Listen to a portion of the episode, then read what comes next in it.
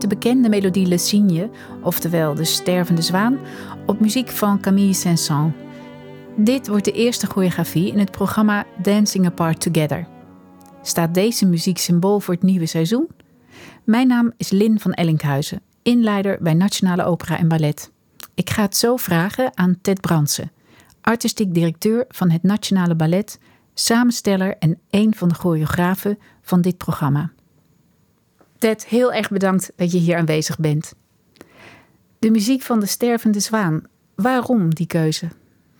Nou, de solo, de stervende zwaan, was een uh, best wel voor de hand liggende keuze om te doen toen we nog niet precies wisten wat we konden gaan uh, brengen. En toen we nog niet wisten dat we ook met elkaar konden dansen. Dus we keken naar dingen, naar solo's, naar, naar duetten die eventueel gedanst konden worden door koppels die toch al bij elkaar woonden. Want ja, andere dingen mochten nog niet. Dus de stervende zwaan was wel uh, was een van de dingen die naar voren kwam.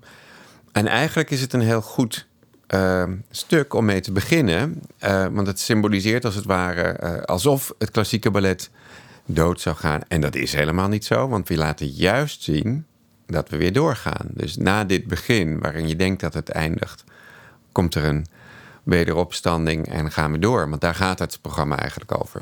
Dat we er weer zijn na zes maanden afwezigheid van het toneel. En dat we doorgaan met ballet. Dat is wat we doen. Mooi.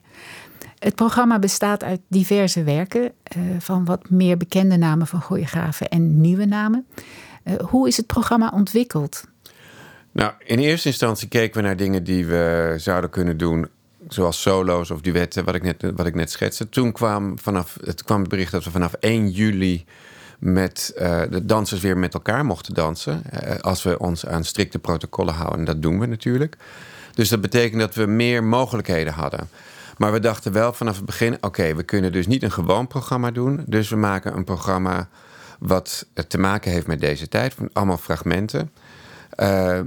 Waarin afstand gehouden kan worden als dat nog moet.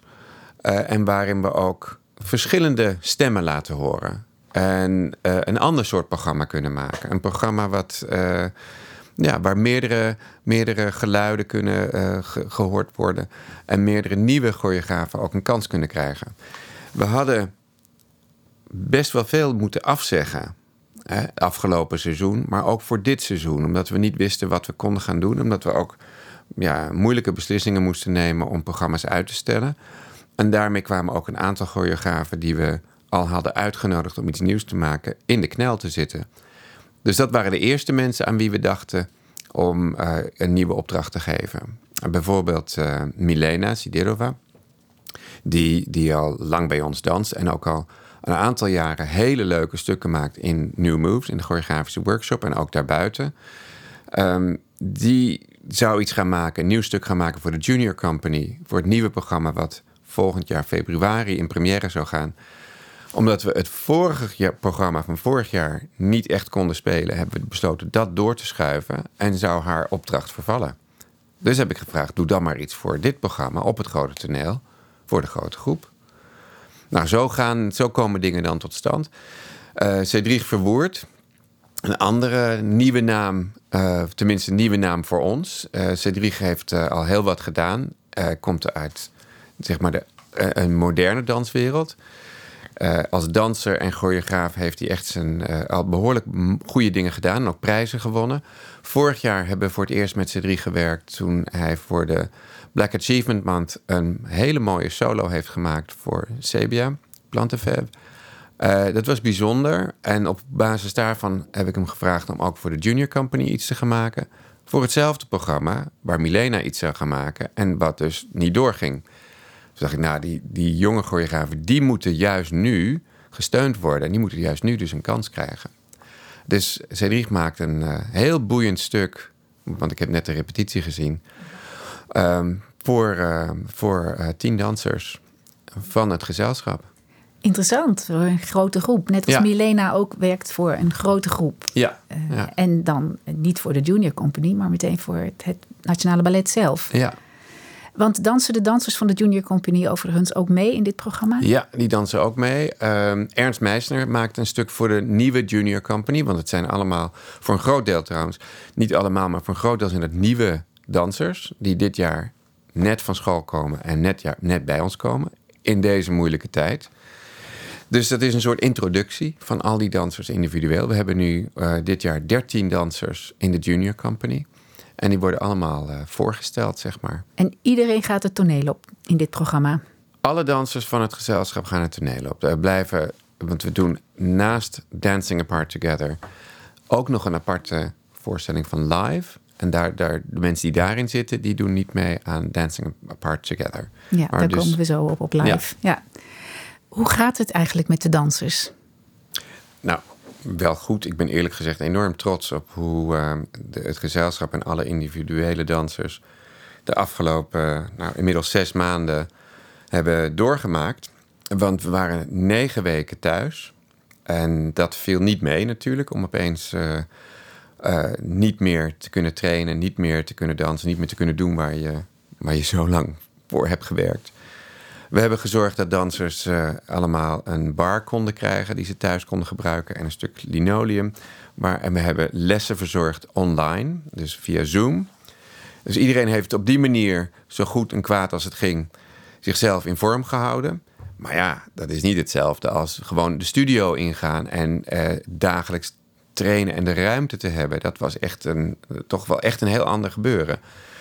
En, in mei zijn we teruggekomen de studio's in. Toen mochten we les doen. Dat hebben we een maand lang gedaan in kleine groepjes. Er was weer eindelijk weer ruimte. Mensen konden eindelijk weer springen en een beetje elkaar zien. Maar er was nog steeds in hele kleine groepjes en met heel veel restricties. En vanaf toen zijn we op vakantie geweest voor de zomer. En vanaf eind juli zijn we echt weer aan de gang gegaan. Voelt iedereen zich weer veilig om met elkaar te dansen?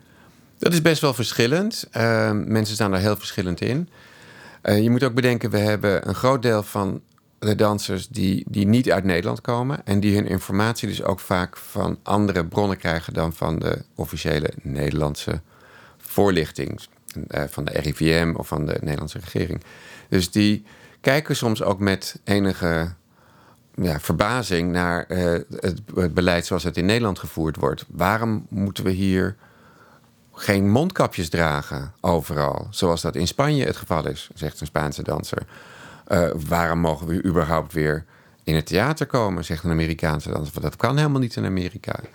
Dus er zijn heel veel uh, verschillende uh, manieren om hiermee om te gaan.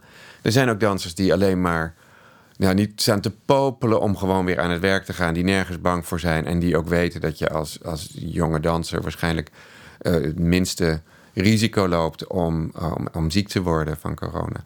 Maar er zijn ook mensen die de hele dag alle nieuwsberichten checken op alle mogelijke kanalen in alle mogelijke talen. En die heel erg uh, angstig worden. En daar moeten we allemaal rekening mee houden natuurlijk. Toch zoveel mogelijk voorlichting geven, zoveel mogelijk uitleggen dat wij de protocollen heel streng volgen, dat we heel goed uh, in overweging nemen wat wel en wat niet kan. En dat we daar constant alert zijn op de nieuwste ontwikkelingen. En hoe is het programma muzikaal samengesteld?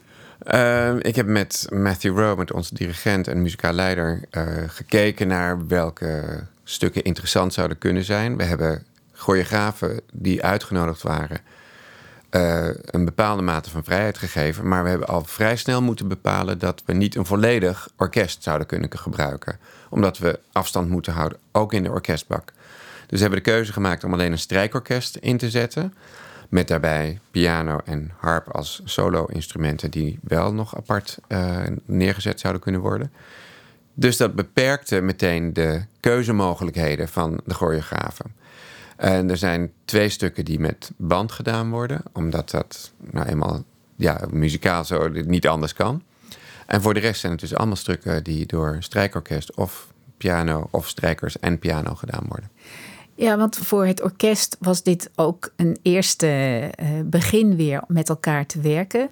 Uh, de orkestrepetities, vertelde Matthew Rowe onlangs, was voor hem echt ingewikkeld. Andere regels, 90 minuten repeteren. Dan hebben de muzici een uur pauze en daarna weer uh, 90 minuten repeteren. Omdat ze niet met elkaar allemaal in de artiestenfoyer pauze mogen houden. Hoe is het repetitieproces voor de dansers gegaan? Hebben alle protocollen die er noodzakelijk zijn, hebben we in werking gesteld. Uh, een hele sterke planning gemaakt, uh, waarbij alle dansers, waar elke danser maar in één stuk meedoet. En eventueel een ander stuk alleen maar als understudy. Maar één ander stuk, niet twee of drie, wat normaal uh, gebruikelijk zou zijn. En daarmee konden verschillende groepen maken. En ja, was er een ingewikkelde planning om die allemaal uh, ruimte te geven. Ja. Maar het zijn allemaal korte stukken. Het langste stuk is denk ik uh, acht of negen minuten. Dus dat betekent ook dat je eerder klaar bent. Het is niet zo dat je allemaal balletten van 25 minuten maakt. Dancing Apart Together is een mooie titel. Vind je het een metafoor voor de komende tijd? Uh, ja, eigenlijk wel. Want uh, ook al mogen dansers elkaar dan wel weer aanraken, dat gaat niet altijd heel comfortabel. Niet iedereen voelt zich daar meteen heel goed bij. We hebben in het dagelijks leven natuurlijk nog steeds te maken met uh, anderhalve meter afstand houden, met alle hygiënevoorschriften. Er is wel, het is echt wel een hele andere tijd. Hè? En een van de dingen die mensen, denk ik, het meeste missen, is het contact met elkaar. Het fysieke contact, de fysieke nabijheid met vrienden, familie, met geliefden. Wat soms niet kan nu. En wat heel lastig is in het gewone leven. Nou, dat is zeker een onderwerp wat door een aantal van de choreografen uh, als, als, als onderwerp genomen is of als uitgangspunt genomen is. Uh, ook ik heb dat gebruikt. Uh, het, het verlangen naar de ander, het verlangen naar contact, het verlangen naar elkaar is iets wat, wat toch wel heel erg speelt. En je merkt ook hoe langer deze coronacrisis duurt, hoe moeilijker het wordt voor mensen om die afstand te blijven, blijven bewaren. En dit is nooit het nieuwe normaal. En dat moet het ook niet worden. Ted, jij gaat op vier heel verschillende muziekstukken wat maken. Was de muziek jouw eigen keuze? Ja, zeker. De muziek was mijn eigen keuze. Dat is voor bijna alle choreografen essentieel natuurlijk. Uh, en ik heb verschillende stukken gekozen. Een van de dingen die ik uh, koos was de Kaddish van uh, Maurice Ravel. En ik wilde een paradeu maken voor, voor Jacob Pfeifferlik, onze nieuwe eerste solist. En voor Chen Liu, die al langer bij onze groep zit en die ik heel erg bewonder. En toen ik dit hoorde, was ik meteen heel erg gegrepen. Een Kaddish is een Joods gebed. En uh, er zijn, het wordt altijd, de Kaddish wordt altijd ook gezegd als er iemand overleden is. Kaddish zeggen is wat je doet als iemand overleden is. Maar het is niet een gebed voor de doden. Het is een gebed waarin de Heer geprezen wordt. Waarin, en in mijn optiek is dat niet de Heer, maar de wereld, de liefde, de natuur dat in tijden van grote droefheid is er nog steeds grote schoonheid. Altijd schemert dat door. Dus dat, dat was eigenlijk de, de reden om dat stuk te kiezen. En verder eh, heb ik stukken gekozen die, uh, ja, die aan andere snaar raakten. Bijvoorbeeld de Romanian folk dances van Bartok, van Bela Bartok. Ja, ik wilde iets doen met volksmuziek, omdat voor mij komt dans en ballet komt toch voort vanuit een soort oerdrift om te dansen. En ligt dat heel dichtbij volksdansen. En daar iets mee doen wil ik graag voor een grotere groep. En het stuk van Bach waarmee, uh, waarmee we eindigen, ja, dat vind ik zo prachtig uh, verstild en tegelijkertijd zeggings, heeft zoveel zeggingskracht. En daar wilde ik mee, uh, mee eindigen en met, een, ja, met de mensen, de dansers weer bij elkaar brengen. Het hele gezelschap op het toneel. Dat is de bedoeling. ja, ja. Wat betreft de rest van het programma, er wordt dus nieuw werk gemaakt en we zien bestaand werk, toch? Ja, ja, zeker. Want we hadden al een aantal dingen uitgekozen. Bijvoorbeeld dus de, de Stervende Zwaan van Fokien. Maar ook Solo van Hans Vermanen. Uh, en daar kwam bij op een gegeven moment uh, het stuk van David Dawson... On the Nature of Daylight. Want toen we wisten dat we iets mochten gaan doen met dansers samen... dacht ik, wat kunnen we van David doen? Want David is als, associate artist van het gezelschap... een belangrijke choreograaf. Ik dacht meteen aan dit stuk, wat we alleen in een gala-voorstelling ooit hebben uitgevoerd, maar waarvan ik wist dat verschillende van onze solisten dat al gedaan hadden. Dus zo'n prachtig stuk. En dat zou zo'n mooie plek hebben. En heeft ook een mooie plek gevonden in dit, uh, in, in dit programma. Um, het werk van, van Juanjo Arquez is belangrijk uh, als het jonge Young Creative Associate van het gezelschap hebben we een deel uit zijn nieuwe werk Manoeuvre genomen. Dat was het enige deel wat al klaar was. Manoeuvre komt als geheel in wereldpremière in oktober in Back to Ballet, de hedendaagse versie. Maar we wilden alvast iets van hem laten zien. En dat was al. Ja, dat was ook al een deel wat. Dus op die manier bouw je dan een, een programma met verschillende ja, uh, bouwstenen, verschillende ideeën die je samenbrengt. En dan proberen we samen met, uh, met, met de muzikaal leider, uh, Matthew Rowe, een soort lijn in te brengen, een soort muzikale lijn. En ook een lijn die ja, hopelijk dramaturgisch ook weer. En ja, ik ben heel blij dat we, dat we gaan van jonge choreografen als, als Cedric en, en Milena naar, naar de grootmeester van de Nederlandse dans, Hans Vermanen. En dat we daar omheen een heel programma hebben kunnen bouwen. Dan noem ik nog graag de naam van Annabella Lopez Ochoa, de choreografe van Frida, het stuk wat in het voorjaar in première is gegaan. En zij gaat nu een choreografie maken voor acht dansers uh, op muziek van Goretzky. Maar even terug naar Hans. Uh, naast het programma Dancing Apart Together is daar het ballet live. Uh, wat ook nog weer vijf keer getoond wordt. Heel uniek eigenlijk. Ja, waarom ballet live? Live was ook een van de dingen waar we meteen aan dachten. Wat kan je doen als je uh, niet meer uh, samen mag dansen? Hè? Dat was het uitgangspunt waar we eerst aan dachten. Als je niet samen kan dansen, kan je dan alleen maar solo's doen. Kan je dan nog, wat zou je als heel ballet kunnen doen? Nou, live is een ballet wat gedanst wordt door Maya Makatelli en Arthur Shesterikov. Een echtpaar. Die mogen dus bij elkaar. en het is ook een echt een volledig ballet. En het is niet alleen zomaar een ballet. Het is een van de meest iconische balletten van de 20e eeuw. En een van de meest belangrijke werken die Hans van Manen ooit gemaakt heeft. Dus dat was meteen een idee om, om dat ballet te gaan doen. We hebben er meteen over nagedacht hoe je dat onderdeel zou laten kunnen zijn van een gehele avond. En dat kan eigenlijk helemaal niet. En dat moet ook niet, want het is een ballet wat zo op zich staat en wat zo'n ervaring op zich is dat je daar niet iets anders bij wil eigenlijk. Um, en toen hebben we ook besloten om het gewoon als kleinoot apart te presenteren. Een ballet van 35, 40 minuten. Een hele bijzondere ervaring waarvoor je naar het theater komt. En wat je dus heel geconcentreerd en heel gefocust kan meemaken. Ja, en niet, uh, niet 100 keer. Er zijn maar een beperkt aantal plaatsen. We zijn nu al bijna uitverkocht en we overwegen om een extra voorstelling erin te gaan doen. Want zo snel gaat het. Want we hebben natuurlijk maar, een beperkt, beperkt, aantal plaatsen mm. voor alles. Ja. Mm. Over de productie zelf, dit, uh, zijn er kostuums gemaakt, nieuwe decor? Het is een productie uh, uh, zonder grote decors. Het doek blijft open. Het is één productie. Het zijn dus niet allemaal gala-nummers achter elkaar waarbij het doek steeds dicht gaat. Het is één productie die we aan elkaar hebben gebruikt. Uh, voor een groot deel zijn de kostuums bestaand. Uh, we hebben gekeken naar wat we hebben. En we zijn ervan uitgegaan, laten we doen met wat er al is. En alleen als het nodig is, maken we er iets bij. Uh, dat is ook een beetje waar deze tijd over gaat. Wat hebben we wel? Wat kunnen we wel doen? En niet van wat kan er allemaal niet meer. Maar wat, kunnen, wat hebben we? Wat kunnen we daarmee doen? Dat is een beetje het uitgangspunt geweest voor, voor de hele productie.